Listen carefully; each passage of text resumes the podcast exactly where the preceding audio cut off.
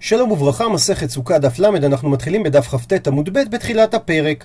רש"י דבר ראשון מסביר שלולב שאנחנו מדברים עליו זה לולב כף של תמרים, כי אנחנו מברכים על כל ארבעת המינים על נטילת לולב, אז שלא נטעה לומר שמדובר פה לגבי דינים של ארבעת המינים כולם, כי המשניות אחר כך רק ידברו על הדס והערבה בפני עצמם.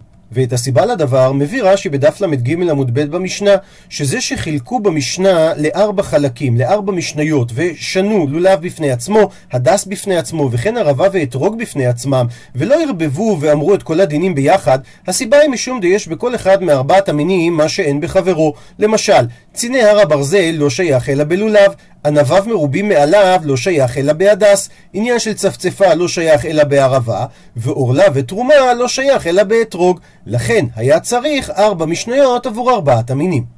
וכך אומרת המשנה, לולב הגזול והיבש פסול.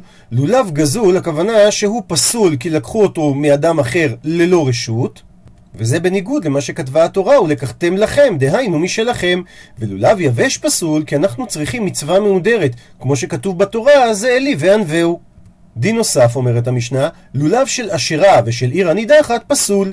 אשירה, הכוונה אילן שעובדים אותו עבודה זרה, והגמרא תסביר מה הפסול פה, ושל עיר הנידחת, זה מה שכתוב בספר דברים, כי תשמע באחת עריך אשר אדוני אלוהיך נותן לך לשבת שם לאמור, יצאו אנשים בני בניאל מקרבך, וידיחו את יושבי עירם לאמור, נלכה ונעבדה אלוהים אחרים אשר לא ידעתם, ודרשת וחקרת ושאלת היטב, הנה אמת נכון הדבר, נעשתה התועבה הזאת בקרבך.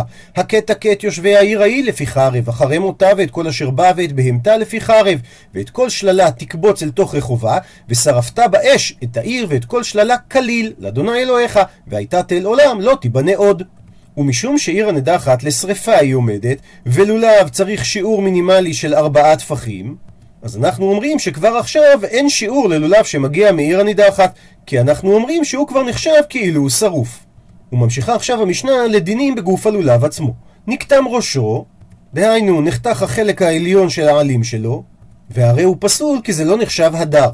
דין נוסף, נפרצו עליו פסול. הכוונה שנפרצו אליו מהשדרה, ואינם מחוברים אלא על ידי אגודה כחופיה שקוראים אשקובה. דהיינו כמו מטאטא, גם זה לאו הדרו. וזה נראה ככה, ואם נציב אותו באופן הבא, זה ייראה כמו מטאטא. לעומת זאת אומרת המשנה, אם נפרדו עליו, כשר. מסביר רש"י שהם מחוברים בשדרה, אלא שלמעלה הם נפרדים לכאן ולכאן כנפי אילן. ובמצב כזה רבי יהודה אומר, יאגדנו מלמעלה. שיהיו עולים עם השדרה כשאר לולבין. כך שלפי תנא קמא, ברגע שנפרדו עליו הוא עדיין כשר, ורבי יהודה אומר, אם נפרדו עליו, אז תקשור, יאגדנו בחלק העליון שלו. וממשיכה המשנה, ציני הר הברזל כשרות. והכוונה ללולבים שגדלים במקום שנקרא הר הברזל, שהעלים שלהם קטנים מאוד ואין עולים עם אורכה של השדרה. באופן הבא, ובכל זאת זה לולב כשר. הוא מסיים את המשנה, לולב שיש בו שלושה טפחים כדי לנענע בו, כשר. הוא מביא רש"י את הגמרא שהשלושה טפחים תהא השדרה כנגד אורכו של הדס, אבל צריך עוד טפח כדי לנענע, שאנחנו צריכים נענוע, כמו שהגמרא תגיד בהמשך, מעלה ומוריד, מוליך ומביא, כדי לעצור רוחות רעות וטללים רעים.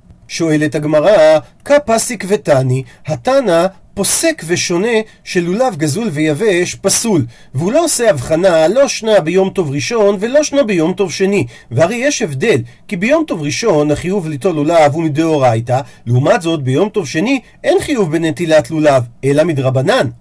שהרי התורה אמרה, ולקחתם לכם ביום הראשון, אז החיוב מדאורייתא הוא רק ביום הראשון. אבל, בישלמה נוח לי להבין את הדין של לולב יבש שהוא פסול, כי הדר באינן ולקה. אנחנו רוצים שהוא יהיה מהודר, אז לכן הוא יהיה פסול גם ביום השני שהחיוב מדרבנן, שהרי המצווה זה זכר למקדש, ולכן אנחנו צריכים הידור מצווה. ואם אין הידור מצווה הוא פסול גם ביום השני. אלא העניין של גזול, שהוא פסול, בשלמה נוח לי להבין את זה רק לגבי יום טוב ראשון. דכתיב ולקחתם לכם, ולומדים לכם משלכם. אלא ביום טוב שני, אמי לו, מדוע גזול לא יהיה כשר ביום טוב שני? מהיכן המקור לפסול אותו? תשובה ראשונה אומרת הגמרא, אמר רבי יוחנן משום רבי שמעון בן יוחאי, הפכנו דף, משום דהב עלי מצווה הבאה בעבירה, שנאמר, נקרא את הפסוק בפנים, במלאכי, ואמרתם, הנה מטלאה והיפכתם אותו אמר אדוני צבאות, והבאתם גזול ואת הפיסח ואת החולה, והבאתם את המנחה, הארצה אותה מידיכם אמר אדוני? ומזה שמלאכי משווה בין גזול לבין פיסח, לומדת הגמרא, גזול דומיה דפיסח, בהשוואה לפיסח. מה פיסח? שזה מום קבוע שנמצא בבהמה, לית לי תקנת. אין לו תקנה לאחר זמן להקריבו, כי הרי זה מום קבוע עולמית בבהמה. אף גזול לית לתקנת. אז באופן דומה, גם בהמה גזולה אנחנו לומדים מהפיסח שאין לו תקנה לאחר זמן. וזה לא משנה, לא שנה לפני ייאוש של הבעלים, ולא שנה לאחר ייאוש של הבעלים. מסביר רש"י שאיך זה ייאוש בעלים, שאנחנו שומעים את האדון שאיבד את האבדה, דמייאש, והוא אומר, ויילה לחסרון כיס. הוא מעיר רש"י שזה שונה מלעניין קניין, שהרי הגמרא בבבא קמא אומרת שאחרי ייאוש בן אדם קונה את מה שהוא מצא וזה שלו, בכל זאת, במקרה שלנו, לא ניתן להקריב את זה למזבח.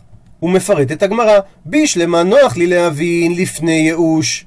לא ניתן להביא את זה למזבח, כי כתוב, נקרא בפנים, דבר על בני ישראל ואמרת עליהם, אדם כי יקריב מכם קורבן לאדוני מן הבהמה, מן הבקר ומן הצאן, תקריבו את קורבנכם.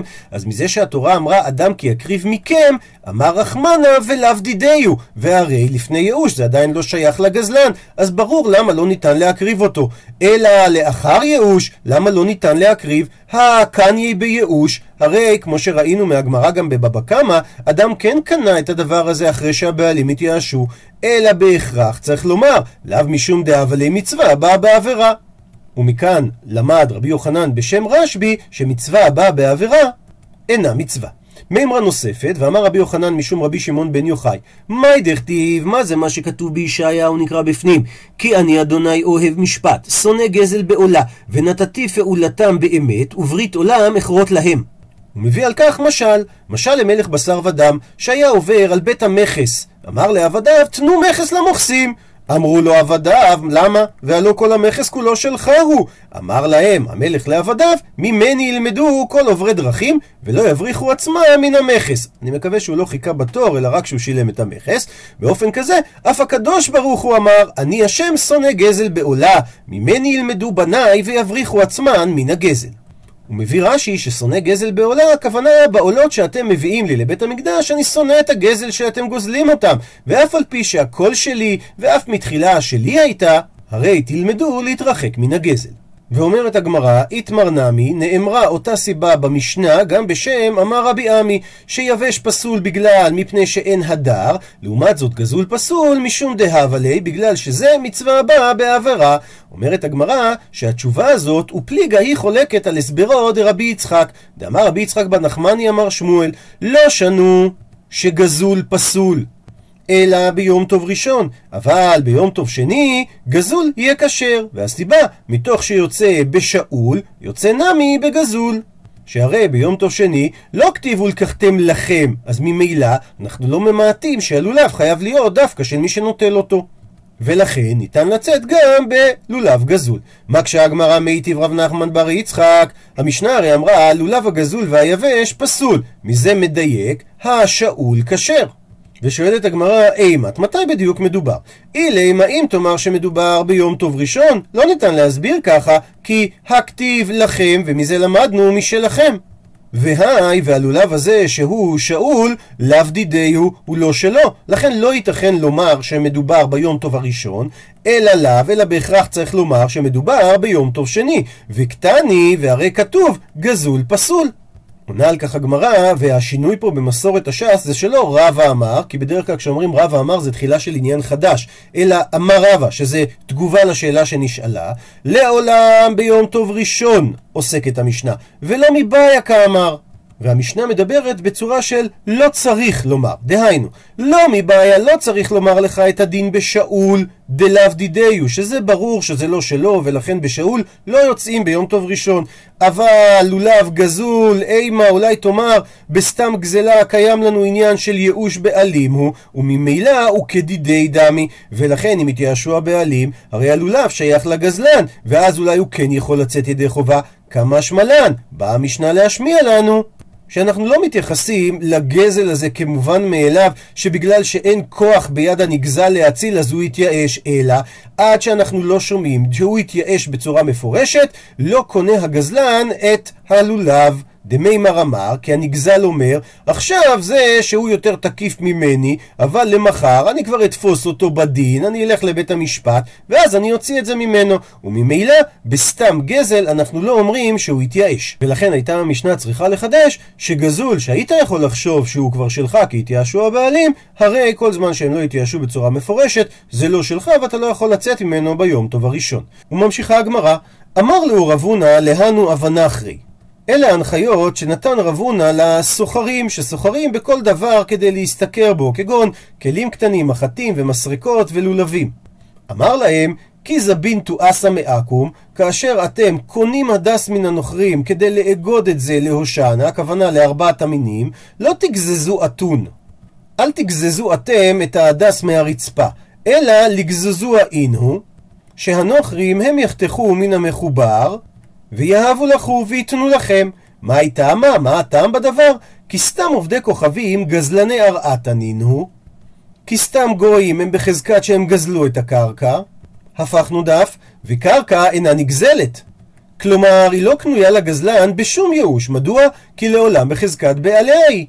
והדבר נלמד מפסוקים בגמרא בבבא קמא, אבל אפשר גם להבין לפי סברה, כי הרי קרקע היא רשומה איפשהו, ולכן הבעלים לא מתייאשים, כי הם יודעים שהם ייקחו אותה בדין. לעומת זאת, מי שנתלש הפרי זה ודאי גזל, והתולשו הוא הגוזלו, ולכן הוא אמר להם, אל אתם תגזזו את זה מהרצפה, אלא הם יגזזו את זה מן המחובר וייתנו לכם, אז הם יהיו הגזלנים, אתם לוקחים אותם מהם, ואז הבעלים כבר התייאשו מכל הפירות, וממילא הייאוש קורה אצלם אצל הגויים, ואחר כך זה משתנה מהרשות שלהם לרשות שלכם.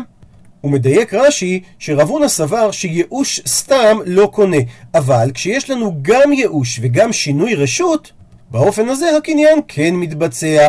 אפשרות נוספת, אומר רש"י, שגם אם רק על ידי ייאוש יכול להיות שאתם יכולים לגזוז את ההדס ולקנות, עדיין יש פה בעיה של מצווה הבאה בעבירה. אם אתם תחתכו את זה מן המחובר, תהיו אתם הגוזלים.